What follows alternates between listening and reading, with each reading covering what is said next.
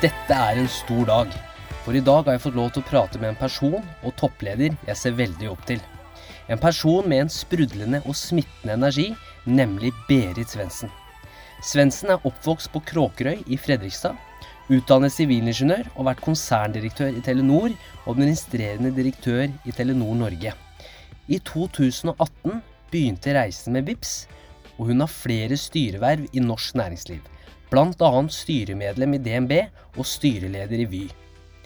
I dagens episode prater Berit om interessene gjennom barndommen, hvordan karrieren begynte, og reisen med Telenor, eller Televerket som det het den gangen. Refleksjoner tilknyttet ledelse og planer for internasjonal skalering med VIPS. For en kort stund tilbake inngikk selskapet et strategisk, strategisk samarbeid med Visa.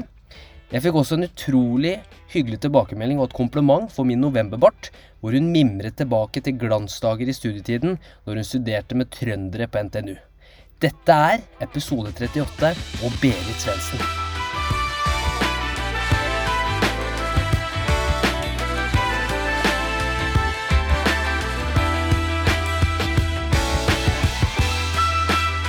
Hei sann og hopp sann. Da sitter vi her endelig. Dette har vi gleda oss til eh, lenge. Eh, Jeg må jo huske først og fremst å introdusere kollegaen min, holdt jeg på å si. My partner in crime, Odin. Hei, hei. Jo, jo, takk for det. Tusen takk. Og eh, veldig hyggelig å være her. Ja, det, det, det håper jeg du syns. Ja, For i dag er det en bra episode. Nå sitter vi her med selveste Berit Svendsen. Velkommen. Takk for det. Hyggelig å være her. Hvordan er det å være her, egentlig? Du kan være helt ærlig. Nei, jeg syns det er hyggelig å være her sammen med dere to. Ja, Ja. ja. Det er jo, det er jo oss, kun oss tre på bygget her nå, for alle har jo rømt hjem. ja alle har hjemmekontor. Alle har hjemmekontor. Så det skal bare sies at vi sitter ved veldig trygg avstand. Vi sitter nå med 6,5 meter unna hverandre. Nei, vi gjør ikke det. Men det er ikke det- vi Sitter med mer enn god 6,5 meter unna alle andre, i hvert fall. Alle andre i hvert fall. Veldig god avstand.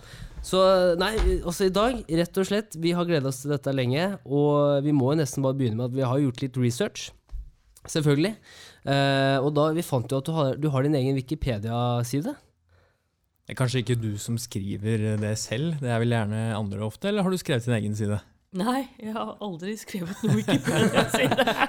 Jeg kjenner faktisk noen som har skrevet en egen side om seg selv. Skal ikke nevne navn, men det er, veldig, det er godt å høre at du ikke har skrevet en egen side. Eh, men der fant vi jo litt eh, Vi kan jo hoppe rett opp til liksom eh, personlige interesser. Du er glad i å lage mat. Thaimat, var det det? Ja, jeg liker å lage veldig mye god mat. Ja, Ja. Og at du liker å svømme i sjøen. ja og i basseng. Og i basseng. Ja. Og lese bøker. Og aerobics. ja, aerobic gjør jeg ikke så mye lenger. Nå Nei. er det veldig mye svømming. Ja. Det er svømming, og så trener jeg en del hjemme sånn på egen hånd med en strikk og egen Ja. Ja, Så Wikipedia-sida var rett og slett eh, utdatert. ja der er litt er utdatert. litt utdatert. Men hva slags bøker leser du, da? Altså, jeg leser jo mest i ferie. Ja. jeg gjør jo det fordi altså, til vanlig så leser jeg aviser. Og så har jeg jo så Jeg har så mye interessant å lese på jobben. Yes. Eh, så jeg leser mye av det som ja, anbefales. Eh, Tante Ulrikkes vei er en av de eh, siste bøkene jeg leste. Syns jeg er kjempe, kjempefin bok. Um, ja, Ja. Det er jo mye spennende som skjer i jobbsammenheng også. ja, veldig. Absolutt. Ja. ja vi, vi vi kan jo starte med å skru tiden eh, litt tilbake, som vi Yes. så fint pleier å gjøre her. Det kan vi gjøre. Så, og i den, dine helt yngre åra, du, du er fra Fredrikstad, som også sto på, på Wikipedia-siden, Den riktige siden. den riktige siden. Hvordan var det med oppveksten din sånn før du begynte å studere, og før liksom det virkelig eh, seriøse begynte? Jeg hadde jo en veldig fin oppvekst. da. Jeg er fra Kråkerøy. Det er en øy eh, på vei til Hvaler. Ja. Um, en av de siste øyene du kommer til før du er på Hvalerøyene. Og den blir kalt Blomsterøya på folkemunne. Eh, og det er en fin øy, jeg må si det. Det er jo heldigvis broforbindelse over til Fredrikstad. Den kom vel på 1950-tallet, tror jeg, så det er jo en stund siden. Eh, så det, er et, det var et eh, fint sted å vokse opp, eh, gå på skole. Og når jeg begynte på videregående, så måtte jeg til Fredrikstad. Hører ikke noe sånn Fredrikstad-dialekt her, men den, eh, den legger man kanskje fra seg når man flytter inn til byen. Nei, den hører du når jeg er i Fredrikstad eller på ja. hytta på Hvaler. Ja. Du er Så det er et bevisst valg at du går vekk fra den i byen? Nei, det er ikke bevisst, men det, den kommer ubevisst tilbake igjen. Ja. ja. Nei, du er ikke aleine. Jeg er fra Kongsvinger også, så jeg har veldig brei dialekt når jeg er hjemme. Og så prøver jeg å holde meg litt mer eh, sivilisert når jeg er i byen. Men eh, Ja, når, du, når du gikk på videregående, så, så da, hvordan, hvordan kom interessen for matte og fysikk? For det, jeg antar at den kom tidlig, eller? Eller hvordan var det? Ja, også, jeg har alltid likt matematikk. Mm. Eh, helt siden jeg begynte på skolen, så har jeg likt å, å knekke eh, matematikknøtter, for å si det sånn. Eh, og når jeg begynte med fysikk, så skjønte jeg ikke så veldig mye av hva som foregikk. Men eh, jeg klarte jo å jobbe så mye at jeg satte meg inn i det også. Eh, og jeg er vant til, jeg har fått det hjemmefra, at eh, det er hard jobbing som lønner seg, uansett hva du gjør. Eh, du må forberede deg, og du må jobbe med, med stoffet. Og da lærer du deg det. Ja. Da blir du god, og så blir du veldig interessert. Og det er på en måte veien inn, tenker jeg. Ja. Jeg ser jo du kom i dag, så har du jo du har gjort skikkelig forberedelser du også. Eh, men hva slags, hva slags tanker hadde du på videregående? Altså, Var drømmen å bli på en måte en toppleder i et stort eh, internasjonalt selskap, eller først nå med Vips også, da, og ta det internasjonalt? Eller altså, hvor, hvor var det drømmene dine var, og ambisjonene dine var? Nei, Det er litt sånn vanskelig å si, for det er jo Det begynner å bli en stund siden. Men jeg har alltid likt å, eh, å se fremover. Det syns jeg er veldig, veldig spennende. Og jeg har alltid likt å prøve å få med folk på en retning. Eh, det liker jeg veldig, veldig godt. Å være med og drive en utvikling. Eh, og det skjønte jeg vel ganske tidlig at det var det jeg hadde lyst til å gjøre. Og da var det veldig naturlig å begynne på, på Den tekniske høgskolen i Trondheim, og NTNU, som det nå heter. Eh, Men der gikk jeg jo noen år og så ikke skogen for bare trær, for det var bare matte og fysikk. Ja. Og, og det var eh, eh, røtter av imaginære tall og, og integraler og altså Har Det du var fått liksom brukt for det mye i Telenor? Nei. Men eh, det jeg har fått brukt for, det er jo å lære, og så har jeg av, er jeg avlært. Fordi alt det jeg lærte på Den tekniske høgskolen, det Altså Veldig mye av det, det er jo ganske utdatert, for å si det sånn. Men jeg lærte meg å sette meg inn i komplekse problemstillinger. Eh, og da jeg var leder i, i Telenor Norge, så hadde jeg liksom hele nettet i hodet. Jeg visste hvordan ting så ut, og det hjelper jo Ja. veldig. Og så visste jeg litt hvor vi skulle hen. Og så er det viktig å få med folk på en sånn reise da man skal i, for det er jo hele tiden en modernisering av teknologien. Ja, du har gått gjennom eh, ganske mange moderniseringer eh, fra ja, eh, nå, nå vet ikke jeg når Du gikk rett fra studiene til Telenor, var det sånn? Ja, jeg begynte ja. i Televerket. Eh, og det er jo litt interessant, for at jeg begynte i Televerket på slutten av 1980-tallet. Og det var stort sett det de drev med, var fasttelefoni. Mm. Og da skulle de digitalisere fasttelefonien i Norge. Og like før jeg begynte i Televerket, så hadde de jo akkurat blitt kvitt ventelistene på telefon. Det sto jo 100 000 nordmenn i kø og venta på å få telefon hjemme. Og noen år før det så fikk man ikke summetonen. For det ble ikke investert i nettet. Og så kom jo første generasjons mobil. Den kom jo på begynnelsen av 1980-tallet. Og det var første gang i verden man kunne ringe mellom land. Og så vet vi hvilken vei det har gått. ikke sant? Ja. Nå er jo Alt er jo eh, videostreaming og datakommunikasjon, og vi snakker jo ikke så mye telefon lenger. Jeg pleier å si at de som ringer meg, de er på min alder og eldre. Men, men hvordan, eh, hvordan vil du beskrive altså hvilke, ta, altså hvilke tanker hadde du i forhold til da Telekom og hvor telefoni kom til å gå hen? Tenkte, altså, hadde du klart å se for deg at det her er hvor vi skal være om så og så mange år? Eller var det, altså, hvordan var det møtet med den første telefonen og internettet? Og hvordan var det her? Altså, Jeg hadde jo egentlig tenkt å gå på datalinja på høyskolen. Den var veldig vanskelig å komme inn på, veldig få studenter. Og da tenkte jeg, da får jeg heller gå elektronikk og velge telekommunikasjon og velge telematikk, som var liksom informatikk brukt i telesystemer. Da tenkte jeg, da kom jeg inn den veien. Eh, Og det var først i fjerde klasse på, på høyskolen at uh, jeg begynte å lese om internett. Det het ARPANET den gangen. Det var et appendix i boka. Og da tenkte jeg jøss, det jeg lærer, det er faktisk en realitet. Det er ikke bare teori. Sånn som jeg var vant til de første tre årene på, på høyskolen. Bare teori. Jeg så at det jeg lærte nå, var jo i bruk. Og da lærte jeg om ARPANET, som var forløperen til internett. da. Og tenkte jeg dette var morsomt. Og da jeg begynte på Televerkets forskningsinstitutt, det var fremdeles Televerket når jeg begynte der, så hadde vi sånne svære arbeidsstasjoner på pulten. Uh, og da var vi kobla til uh, internett. Og det var ikke mange i Norge som var det. Det var Televerkets forskningsinstitutt og Regnesentralen og Universitetet i Oslo, tror jeg. Ja. Og da var det sånn at eh, det var eh, virusangrep på internett. Da dro Pål Spilling ut eh, pluggen ja. på TF. Ja. For da kutta han forbindelsen Mm. fra internett og inn til Norge. det var den gangen. Ja, ja. Men hva kunne man finne på internett på den tida der, da? Nei, det var et veldig godt spørsmål, fordi vi kommuniserte jo med, med universiteter og akademia, ikke sant, eh, som var tilknyttet det samme nettet. Og det var jo bare eh, tekst. Det var jo ikke noe bilde eller eh, grafikk eller noe som helst den gangen, så det var jo veldig kjedelig. Ja. Eh, men det var altså forløperen. Eh, og da jeg reiste til USA for å ta en mastergrad eh, i 1995, eh, da satt jeg på, på laben på MIT Sloven School of Management. Og det, da var vi knytta til America Online, og det var en sånn lukka Walled Garden internettjeneste. Eh, som egentlig var, var veldig mange tjenester inne. Eh, og da så jeg første gang VG på nett. Da ringte jeg hjem og sa at mamma, jeg nå ser jeg VG på nett. Og da sa hun hvordan har den avisa kommet inn der. Og det var jo et godt spørsmål, men da begynte jeg å skjønne hva slags kan du si, kraft det lå i det jeg begynte å se konturene av i USA. da. Så tenkte jeg det er dette jeg skal jobbe med, for dette er veldig spennende. Ja. Ja, Det er interessant. Hvordan tok, eh, hvordan tok nordmenn imot det her? Altså, tenkte deg at Televerket forskningsinstitutt var tidlig ute med å ta dette i bruk.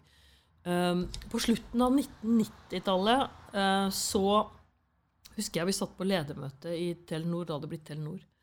Uh, Nett, som var liksom infrastrukturdivisjon. Og så så vi at kurvene for ISDN gikk rett til værs, for det var jo digitalisering av telenettet den gangen. Da ble det jo ISDN, og så fikk man mer enn eh, 9600 bit per sekund på modemet. Dere vil ikke tro hvor dårlig hastighet det var på den gangen på datakommunikasjon Ja. og telefonnettet.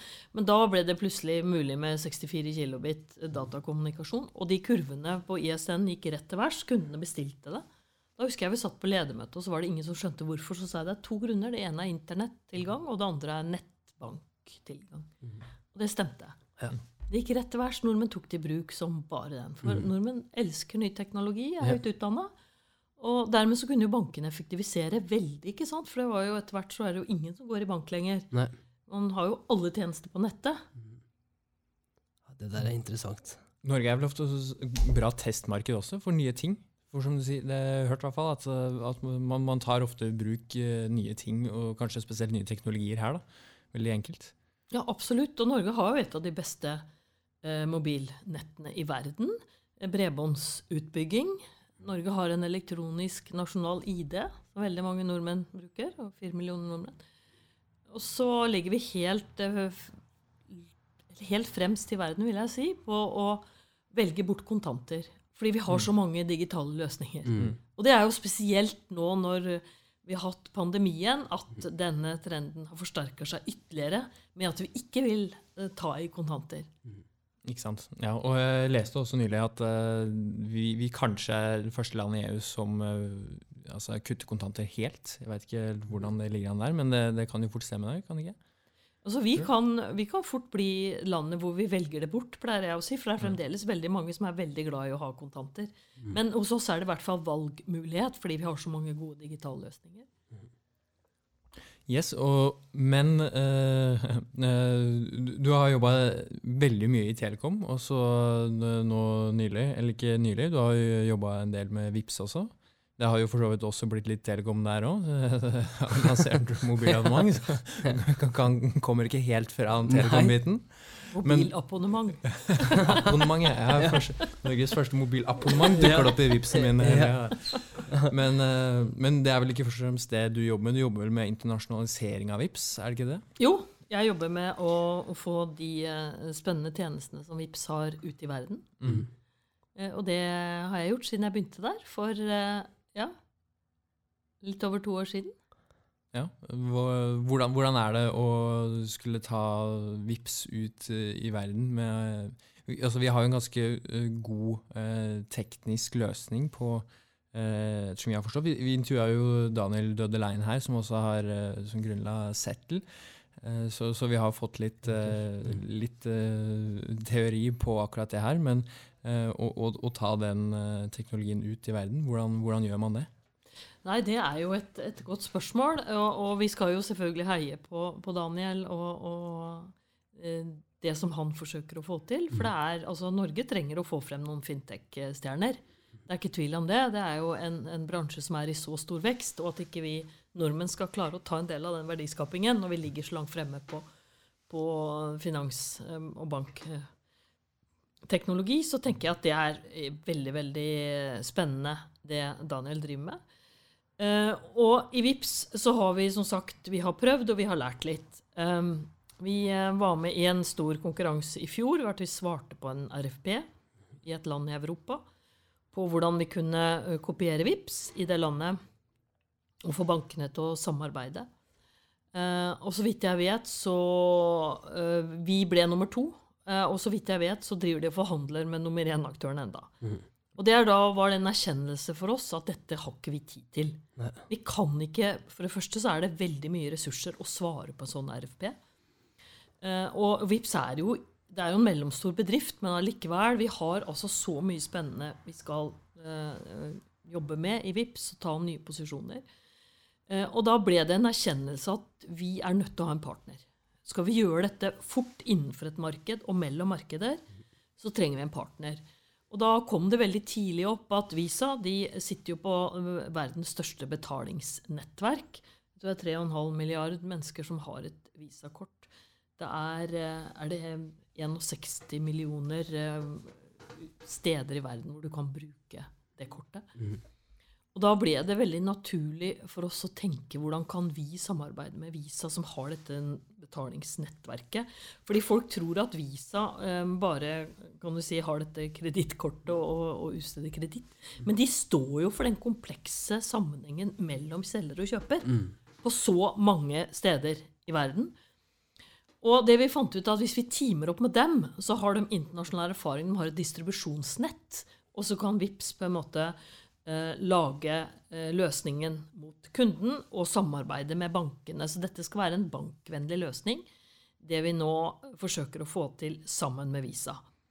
Og vi jobber hardt og intenst, og vi har som mål å komme opp med hvilke land vi satser på i løpet av ikke altfor lang tid.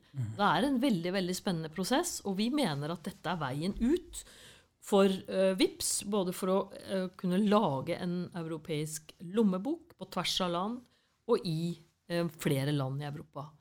Så målet er da å kunne bruke VIPS der hvor du kan bruke Visa? Altså, i, vi gjør først og fremst så satser vi på Europa, og så må vi jo ta land for land.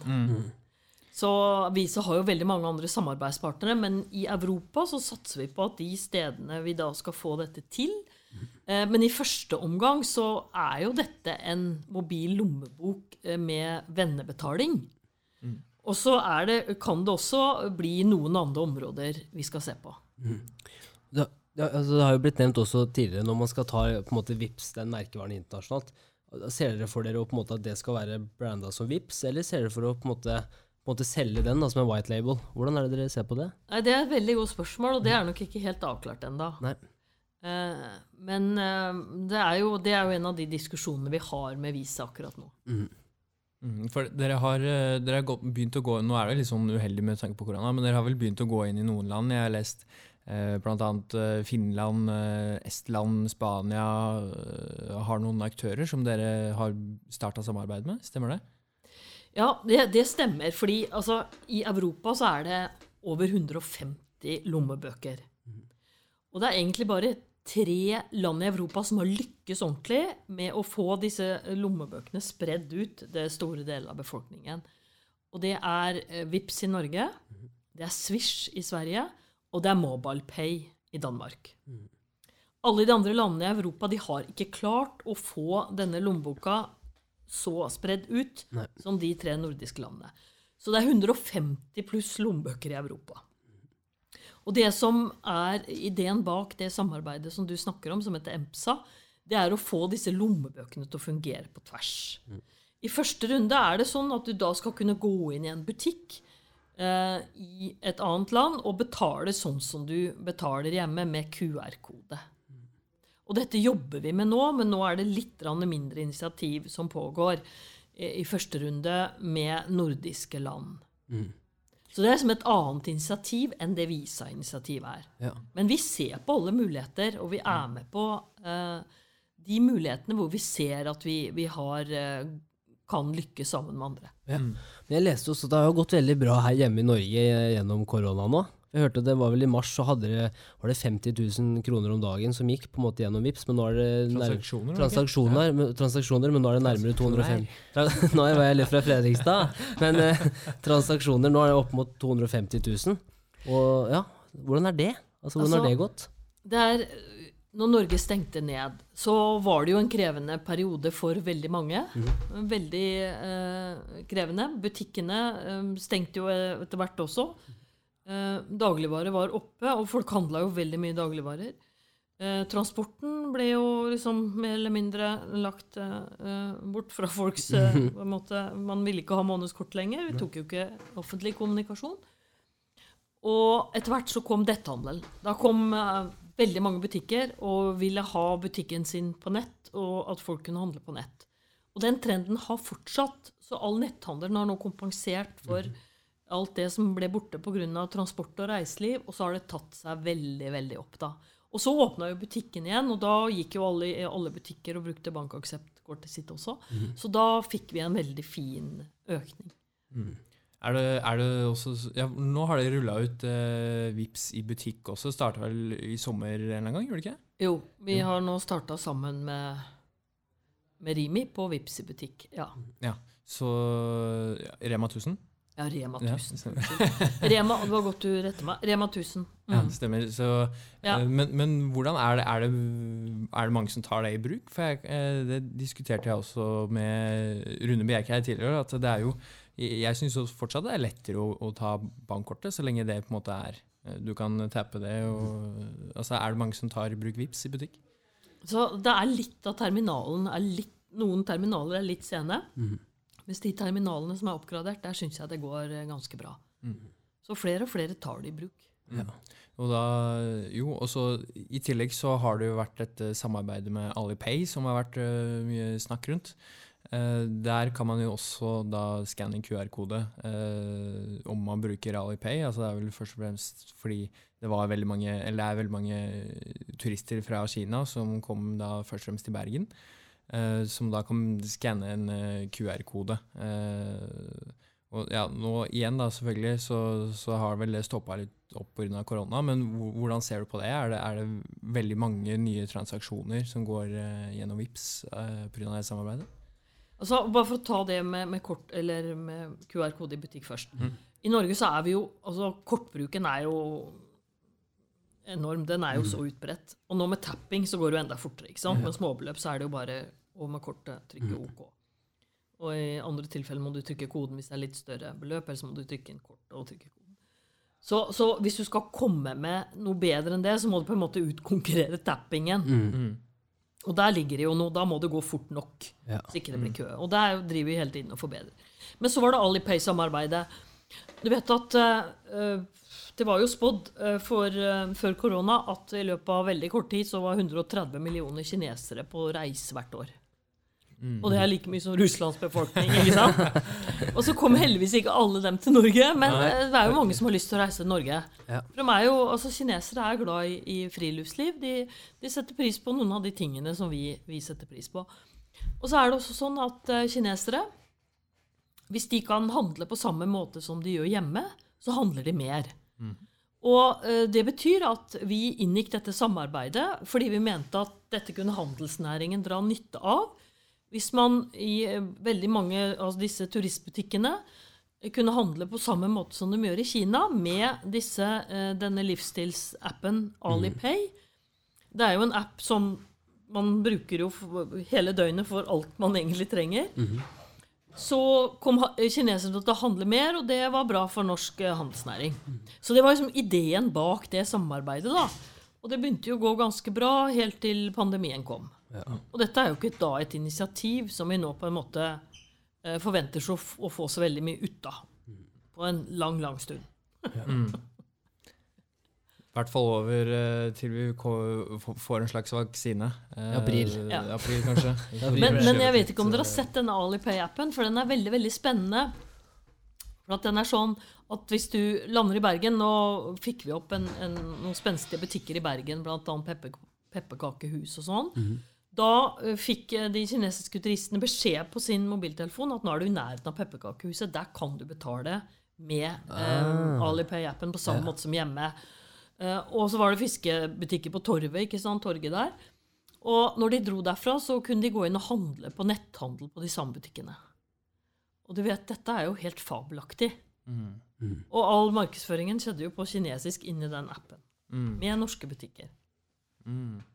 Og så var det sånn kuriositet, da. Det var eh, på dette eh, julehuset i Bergen. Så når denne avtalen ble eh, kjent i Kina, så hadde QR-koden til eh, dette julehuset i Bergen, den sto på noen store kinesiske eh, aviser. Og da må kineserne inn og prøve, så de tok jo bilde av QR-koden og sendte det beløp tilsvarende ett øre. da. Så Det kom jo så mange transaksjoner over til julehuset, vi skjønte jo ingenting. Men da var det kineserne som var ute og prøvde denne QR-koden, for det var den det var Så, så bilde av. de satt i Kina og handla på juletorget i Bergen. De skulle bare teste, ikke sant? De skulle bare teste hvor dette kom endte hen, da. Kult. Kult. Ja, det er faktisk ganske kult. Men det er jo Men- Ja, sorry. Jo, Nei, men er det, er, blir det sånn at uh, vi nordmenn kan handle med VIPs i Kina også? Nei.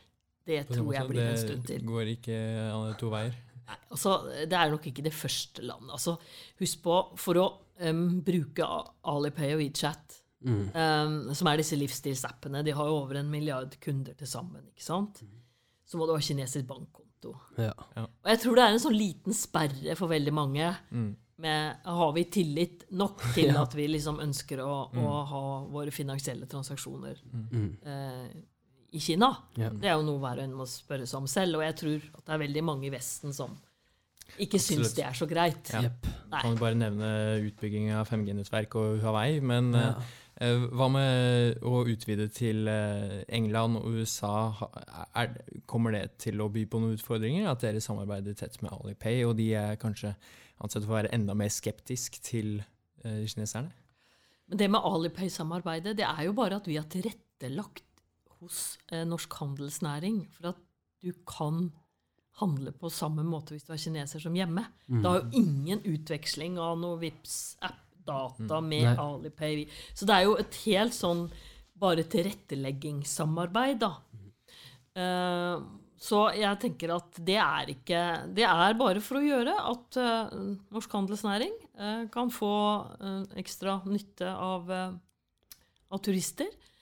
Vi har ikke opplevd at det har bydd på noen utfordringer når vi har gått ute. Vi presenterer det som ett av initiativene som vi har, eh, for å tilrettelegge. For kan du si mer betaling, flere turister. Og nå er vel ikke kanskje USA og England de landene som vi kanskje kommer til å gå til først. Nei. Nei. I USA så er det jo De har jo akkurat lagt vekk sjekken. Ja, de henger litt etter, de. Men det, det gjør jo f.eks. Også, Tyskland sånn. eh, og sånt nå. eh, Sies jo å henge langt etter når det kommer til akkurat det med kontanter. Ja, Tyskland er jo 74 eh, av alle finansielle transaksjoner er basert på kontanter. I Norge er det tre. ja, det er Så vi ligger, Store vi ligger Ja. milevis foran. Men er det noen for det er, det er, litt, er det noen flere årsaker at vi nordmenn er så langt framme på det? Ja, vi er høyt utdanna, men er det noen andre ting også?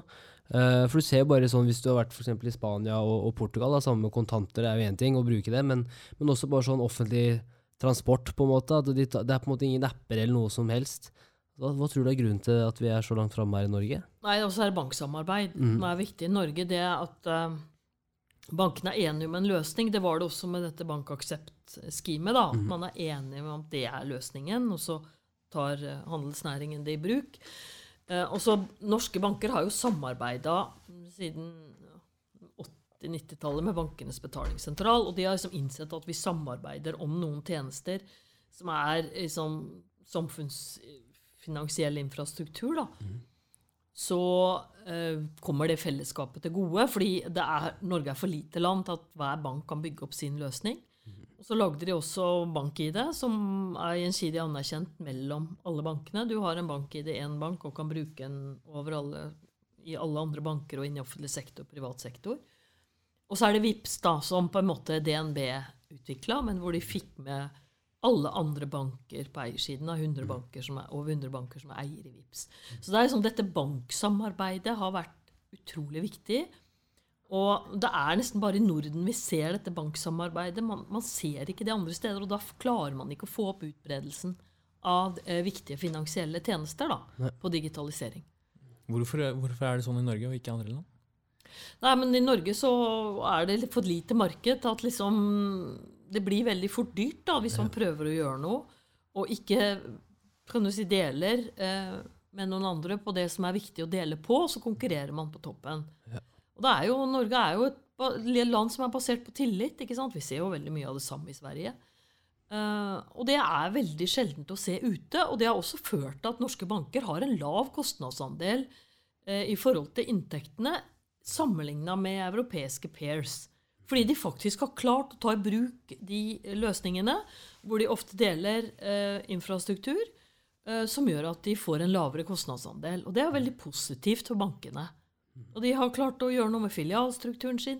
Eh, Det er jo nettbank. ikke sant? En ungdom i dag vet jo, vet jo ikke hva en bank er. De tror jo Vipps er banken. ikke sant? De har aldri vært i en bank. Du kan jo gjøre det meste ved å Du kan jo sitte hjemme og gjøre det meste. I Norge så kan du også sitte hjemme i sofaen og, og skille deg digitalt. Uh, uten å reise deg fra sofaen, og så kan du kjøpe deg en ny bolig. Og jeg pleier å si at Han pleier ikke å anbefale å skille seg på den måten, men det er også mulig å gjøre det. Skal du gifte deg, så må du fremdeles møte opp. Ja. Ja. Tror du det blir digitalisert også i nærmeste framtid? At du ikke trenger å møte eller Integrert deg i Tinder. jeg håper jo det blir litt mer fest rundt Ja, ja. å gifte seg. Så det Yes. Men Vips har jo Altså, det er jo det er jo eh, litt interessant, for at Vips har jo også klart å blitt et verb. Veldig mange nordmenn snakker vipser deg, ikke sant? Og nå har dere, Hvor mange brukere er det nå? 3,5 mill. brukere? Er det så mange? Ja, og 3,8 har vi vel nå. 3,8. Ja. Og, men dere tar fortsatt ikke betalt for eh, vennebetaling, holdt jeg på å si. Nei. Er det noen eh, jeg tenker liksom internasjonalt også, er det noen andre forretningsmodeller altså i forhold til det med mobilabonnement, holdt jeg på å si, som, som du nevnte, Odin? Er det noen andre muligheter? Absolutt. For at uh, når vi går mot bedriftsmarked, f.eks. med netthandel, så er det jo helt andre forretningsmodeller. Når vi går i butikk med, med bankakseptkortet, så er det andre forretningsmodeller. Og når vi nå uh, skal jobbe med Visa og banker internasjonalt, så vil det være andre forretningsmodeller enn de vi ser i Norge. Hva er det noen utfordringer når dere skal internasjonalt? Har du sett på, hva er, liksom, hva er de største utfordringene når man skal ta en, eh, en sånn type selskap fra lille Norge, men som er godt rustet? Og det er mange. For det første så er det det med at det er et tidsvindu nå. Ja. Vi har muligheten til å gjøre noe fordi Norge ligger så langt foran. Og eh, det er ikke så mange som har begynt å digitalisere de store finansielle transaksjonene basert på kontanter. De kan være store og små, men det er mange av dem. Eh, og det er jo fort gjort at eh, noen andre kommer inn. eh, og vi har jo store amerikanske aktører, big techs. Det er andre fintechs, eh, som har vært veldig, sånn som f.eks. Klarna, som er svensk. De er nå mer verdt enn Danske Bank. Så har vi plutselig en fintech som er eh, blitt så stor at den eh, liksom utfordrer en, en stor bank på verdi. Eh, og det er veldig interessant. Og alle disse ønsker jo å være med på digitaliseringen. Og så har du Visa og Mastercard som også ønsker å være med på digitaliseringen. Så det er et vindu nå, eh, mener jeg, hvor VIPS kan gå internasjonalt. Eller så vil det vinduet lukkes. Så Det er nå man må ta en posisjon. Men det er jo veldig mange fallgrupper å gå internasjonalt. ikke sant? Det er lokale markeder. Man må kjenne markedet. Man skal prøve å få banker til å samarbeide som aldri har samarbeida før. Og så skal vi bygge opp en merkevare. På, og hvilken merkevare det blir, det kommer vi tilbake til. Men det er liksom alt dette skal gjøres fort. Og så skal man skalere mellom land. Ja. Ja, det er ganske mange fallgrupper. Yep. Er det mange land som det er for tidlig å gå inn i? Altså, vi nevnte jo Tyskland, men 74% av transaksjonene er kontanter. Eh, Kommer de til å ta i bruk, eh, uansett hvor god løsninga er, mobilbetaling? Altså, jeg tror man må, må få til banksamarbeid. Hvis man skal få til noe. Hvis ikke så, hvis det er én bank som er veldig veldig stor, skal man kla kanskje klare å ta markedet med en lom digital lommebok. Hvis det er én som er veldig stor. Uh, så det er også mulig. Men eh, altså, vi får se hvilke land det blir. Det er i hvert fall en veldig spennende prosess vi er med på nå. Hvordan, eh, hvordan konkurrerer man med som du nevnte, Google Pay, Apple Pay og alle disse? Går de inn i samme mm, markedet eller med samme løsning som dere, eh, med tanke på vennebetaling og sånt? De, de er jo ikke der eh, i dag, i hvert fall. Så det som hele tiden har vært VIPs sin styrke, er at VIPs skal fungere på alle mobiltelefoner. Vi har- som skal ikke bare fungere på Android eller bare på Apple. Så vi mener jo at det skal være alle til alle, som skal kunne nå alle andre. Og både Apple og Google har jo liksom begrensninger der. Det går bare på de håndsettene som understøtter eh, deres systemer. Og så er det som du sier, de er jo ikke så gode på eh, vennebetaling ennå. Det er jo veldig mye butikk eh, de jobber med. Men det er jo som innenfor eh, la oss si netthandel, så er det jo helt andre konkurrenter igjen. Så, så det, er, det er jo dette som gjør det så spennende. Mm. Eh, all den dynamikken. Og så har vi jo en eh, kar som vi nevnte i stad også, som vi snakka med tidligere, Daniel Lødelein også, som eh, siden de Altså, det het jo Mcash den gangen, men eh, heter Settle nå. Blei jo eh, slått sammen med Vips for noen år siden. Eh, og etter den sammenslåinga så har vel han bare jobbet med å ta den samme løsninga, samme teknologien, internasjonalt. Eh, Så det ja, Hvordan ser du på det? Altså, dere har jo på en måte konkurrert i Norge, og så skal dere begge internasjonalt og konkurrere på nytt. Altså, vi heier på alle fintech-selskaper. Og det er et lite miljø i Norge, og vi ønsker Daniel all lykke på ferden. Eh, Og så har vi lært noe på veien, og det er jeg helt sikker på at han har gjort også. Mm. Det regner jeg med. Du, du snakker om eh, på en måte, det vinduet nå for muligheter hvor, siden Norge er så langt framme. Eh, hva tenker du, hvor er, vi om, hvor er dere om tolv måneder? Altså, har, du, har du noen ambisjoner og mål? Nå kan jo mye endre seg hele tida pga. den situasjonen vi er i, men er det noen på måte, milepæler dere ønsker å tikke av innen tolv måneder, som kan deles? Ja, altså Innen tolv måneder så må vi jo på en måte ha øh, forsøkt å, å gå inn i et land. Mhm. Og så få legge alle kluter til på at det skal bli et vellykka forsøk. Ja. Og fått opp eh, i hvert fall en, en, en kundebase som Ja, han blir spennende. Mm. Kult. Har du noen flere spørsmål der, Odin, før jeg ønsker å bli Jo, jo, bedre kjent med, med Berit? Som er eh, litt off eh, det vi har snakka om så langt, men det er fortsatt interessant. PayPal har begynt med å tillate deg å sende krypto. Hva tenker du eh, om det? Nei, altså Kryptovaluta er jo på en måte en veldig spennende eh, innovasjon. Mm.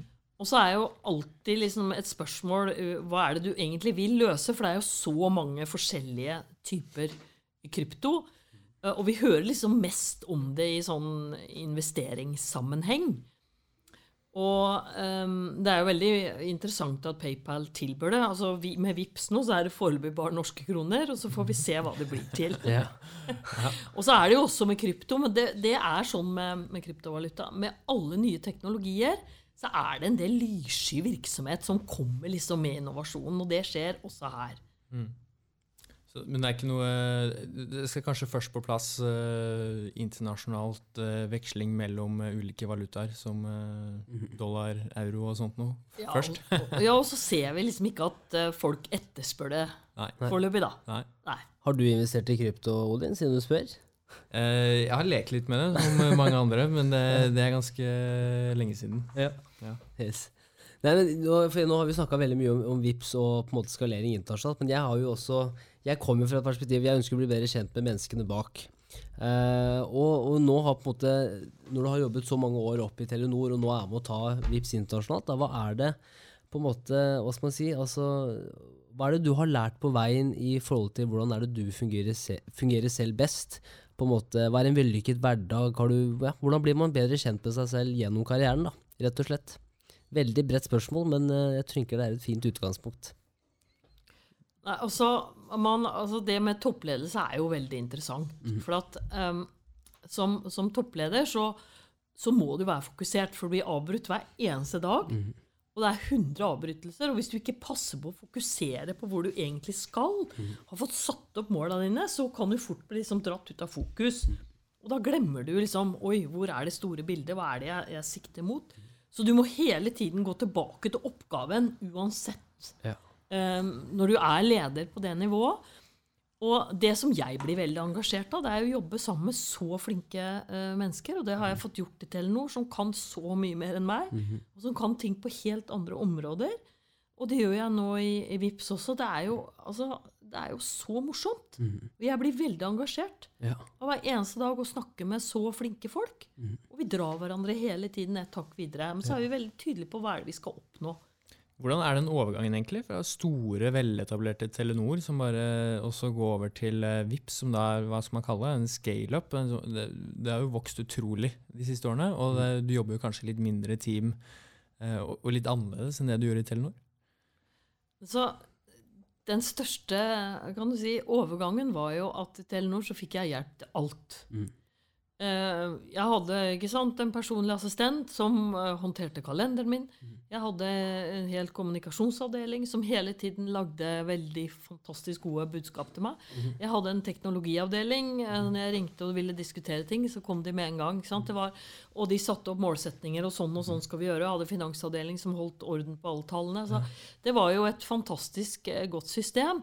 Men jeg da Pluss at vi klarte å lage ikke sant, verdens beste mobilnett uh, før jeg gikk av i 2018. Og det var jo målsetningen. Der klarte vi det. Check. Check. Check av. Der oppnådde vi det vi skulle. Yeah. Uh, Og da jeg kom inn i Vips, så tenkte jeg jeg skal jobbe i en industri som er like avansert som Telekom, at Norge ligger helt i front. Og det var jo fintech. Og det var bank og finans. Det skjønte jeg jo, det skjønte gjennom styrevervet i DNB, at her ligger man helt i front. Det vil jeg jobbe med, for jeg, jeg så jo muligheten til at vi kunne gå internasjonalt. Og så måtte jeg jo sette meg ned og gjøre alt selv, og det er jo litt overgang når du har fått hjelp til alt. Eh, og det hadde jeg veldig, veldig godt av. Eh, og så begynte jeg å jobbe med menneskene, som var litt færre mennesker. Men du verden, eh, så fikk jeg komplettert og fått inn eh, noen nye. Og da ble teamet helt fantastisk bra. Eh, og det er det jeg jobber med nå. Jeg jobber med, med teamet. Ja. Og, og har satt opp målsetninger, og, og nye målsetninger kommer hele tiden. Og en, en ting vi jobber med nå, er jo internasjonalisering av lommeboka eller walleten. Men det er jo en annen kjempespennende mulighet som skal internasjonaliseres, og det er jo hele bank-ID-porteføljen. Ja. Og der skal vi gjøre en modernisering, og så skal vi eh, gå internasjonalt. Mm. Så nå skriver du dine egne Twitter-meldinger? Det er ikke kommunikasjonsavdelingen? Jeg lager alt selv nå.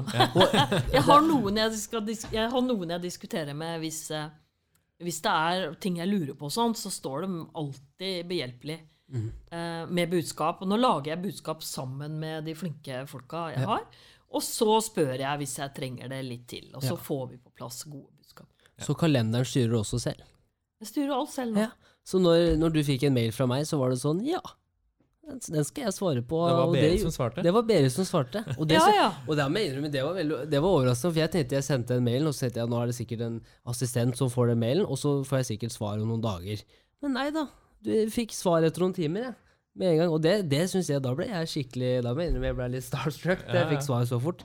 Men eh, angående det å lede på en måte kunnskapsmedarbeidere, da, som er så høyt utdanna som vi er i Norge, og, og særlig innenfor så tekniske bransjer, hvordan får man de til å fungere? Hvordan får man folk som kanskje er veldig selvgående og, og ja, vet hva de skal, da? Hvordan, hvordan leder man de?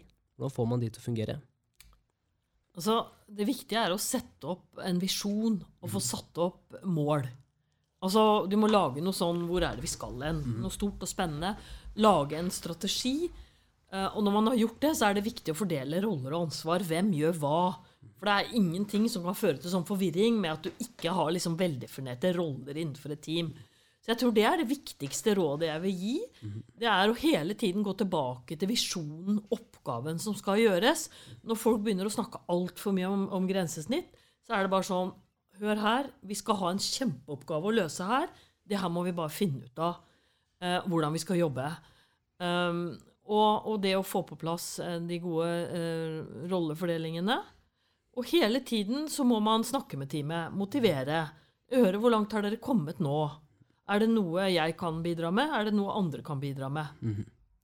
Hva, har du, hva, hva slags triks har du lært for å motivere? Har du, har du en sånn der skikkelig uh, tordentale, hvor du sier, liksom, har en skikkelig, skikkelig tale, eller er, hvordan, er det, hvordan er det du får til det? Nei, altså jeg har, For det første har jeg godt humør, Mhm. og du må ha mye energi. Og så må du stille spørsmål. Jeg tror det motiverer folk. Ja. Still spørsmålene. Hvordan går det? Hvor langt har vi kommet der? Er det noe som skjer der som kanskje ikke burde ha skjedd? Hva gjør vi da? Uh, har vi sett nok på den aktøren der når han begynner å bevege seg dit og dit? Den type spørsmål. Ja. Og det merker jeg. Det setter folk pris på. Du bryr deg, viser at du er engasjert. Og, Bry ja. seg. Stille spørsmål. Mm. Og når det blir så lange arbeidsdager også, når man skal skalere et selskap internasjonalt, da, er du, har du lært noe i forhold til hvordan man tar vare på seg selv i prosessen? For kan, som du sier, da, det blir veldig mye avbrytelser, og du må ha fokus. Hvordan er du, hvordan er ditt, eller Hva er ditt forhold til work-life balance der?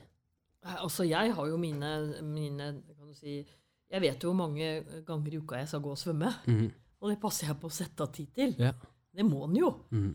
Uh, og nå er det jo veldig restriksjoner også på svømming, for det er ventelister og apper. og Ja. ikke sant? Eh, så det er viktig å ta vare på familien. Mhm. Passe på å spise sammen med familien. Eh, det er ting som man må bare legge inn. Mhm. Kult. Ja. Jeg, eh, et avslutnings... Altså et spørsmål som jeg ønsker å stille nå mot slutten også, er jo litt sånn hvis du skulle møtt Berit, 25 år, du skulle møtt hun nå, begynt å jobbe i Telenor, eller på en måte akkurat ferdig med studiene på NTNU, hva er det du ville fortalt hun om liksom hva som skjer videre i livet, hva slags råd og tanker, kanskje spørsmål du hadde på den tida som selvfølgelig man har når man er ung og kanskje ambisiøs, da? Så det første jeg ville sagt, er grip mulighetene. For at, jeg skjønte jo allerede den gangen at jeg kom til å jobbe innenfor et område med så stor dynamikk og nye muligheter. Og det fikk jeg jo så gode muligheter til Telenor. Fordi der var jo, det var jo alle lederne der så jo bare muligheter. Eh, og det andre eh, som jeg også har blitt veldig veldig obs på, det er jo man må holde seg oppdatert. Altså Hvis ikke jeg holder meg oppdatert, eh, var det jeg sa i den andre jobben min, så fases jeg bare ut med fasttelefon. Ja. En ganske kjedelig skjebne, egentlig. Eh, så man må følge med Ja. hele tiden eh, på det som skjer, og spesielt når man jobber innenfor så dynamiske industrier. Eh, Og det tredje, som jeg har lærte meg etter hvert, og det kunne jeg egentlig kanskje hatt nytte av å skjønne eh, når jeg var 25, det er at når du på en måte ligger litt frempå og ønsker å lære deg nye ting, så tråkker du før eller siden ute i salaten. Man tar et steg for mye ut. Og hva gjør du da? Jo, da står du helt stille og roper om hjelp. Og du verden hvor mange som kommer og hjelper deg. Da veit du hvor grensa går også. Bare innrøm at du har gjort noe gærent. Ja. Og det er vanskelig for mange. ja. Hva, hva må, Det egoet sitter, ego sitter hardt hos veldig mange. og det synes veldig godt ofte også, når Ja. man ikke Ja. innrømmer det. Men uh, hva, hva må du ha vært 25 i dag, da, hvis, vi skal, hvis vi skal spille videre på den? For du sa at eh, å liksom tilpasse deg og lære seg nye ting og sånt. noe. Hva, hvis det hadde vært én ting du hadde skulle sette deg ned og lært uh, etter jobbtid og i helger og sånt noe i dag, hva hadde du lært deg? Altså, det er øh, Ja, det jeg tenker nå, er at nå hadde jeg lært mer om bærekraft. Mm. Og det er altså kombinert nå med den kunnskapen om jeg har om telekom og fintech. Og så bærekraft inn. For nå merker jeg det er veldig stor etterspørsel etter bærekraft. eh, Kompetanse på bærekraft. Bærekraft. Det er Det er tips Det til er alle. Grønne selskaper, Bærekraft. alt det der. Ja, det er, det er notert. Men uh, hvilke, er det noen, nys- er det noen eh, på en måte bøker, blogger, nyhetssteder du følger for å holde deg oppdatert? Er det noen tips du vil eh, på en måte gi bort i forhold til det òg? Altså Jeg leser jo de norske aviser, og jeg leser uh, New York Times og jeg leser Economist, og jeg liksom bare henger med. Og hører på podkaster som er spennende. Ja. Og akkurat nå følger jeg med på det amerikanske valget. Yes. Det Ja, hva tror du? Nei, jeg tror jeg Altså, jeg vil ikke tro, men jeg, jeg her eh, håper at det blir et skifte. ja, ja, Vi skal den- ikke presse deg til å begynne å snakke om politikk, altså, men det er jo, ja, det er jo et ja, ja, er Når denne episoden her uh, blir publisert, så har vel det valget vært? Da har valget vært, og vi har fått en ny Eller ikke vi, da, nå snakker vi som amerikaner, men vi har, USA har fått en ny president, eller den samme, samme president, presidenten vi har hatt i fire år. Men det er amerikanerne som skal velge. Yes. Det er, og det er viktig at de får lov å gjøre. Veldig, veldig viktig. Skal få håpe med sitt. Det siste jeg vil si, og det var, sa vi før vi begynte her, at, eh, og det føler jeg er viktig òg Og det er litt sånn eh, Jeg syns dette er morsomt, men eh, jeg nevnte jo ikke sånn at jeg hadde tatt skjegg i dag. Så hadde, nå sitter jeg med en bart. Og uh, samboeren min hun var ikke så veldig fan av den. Men uh, kan du med ett ord beskrive barten min? Så jeg kan gå hjem til hun og si Berit Svendsen syns jeg så ut som en million. Vær så god, scenen er din. Nei, altså Når jeg ser eh, barter, så tenker jo jeg på trønderbarter. Ja. Eh, det gjør jeg. Ja. Ja. Og der var det jo små og store barter, for å si det sånn. Noen av de aller største de var jo sånn Snurrebart, ja. Snurrebart, ja. Ja, ja men det, jeg tar den, jeg. ja, ja. Jeg, jeg ser ut som en trønder, eh, er, samboeren min. det er en bart, i hvert fall. Det er en bart. Den er gyldig. Berit, Godkjent. Ja, tusen hjertelig takk for at du tok deg tid til å ta en prat med oss i dag. Eh, har du lært noe? Har det vært verdifullt å reflektere litt? ja jeg syns dere var eh, dere hadde gode spørsmål. Det er godt å høre. Mm. Takk. Veldig godt å høre. Det siste spørsmålet tror jeg trumfer alt. Ja, Rett og slett. Tusen takk.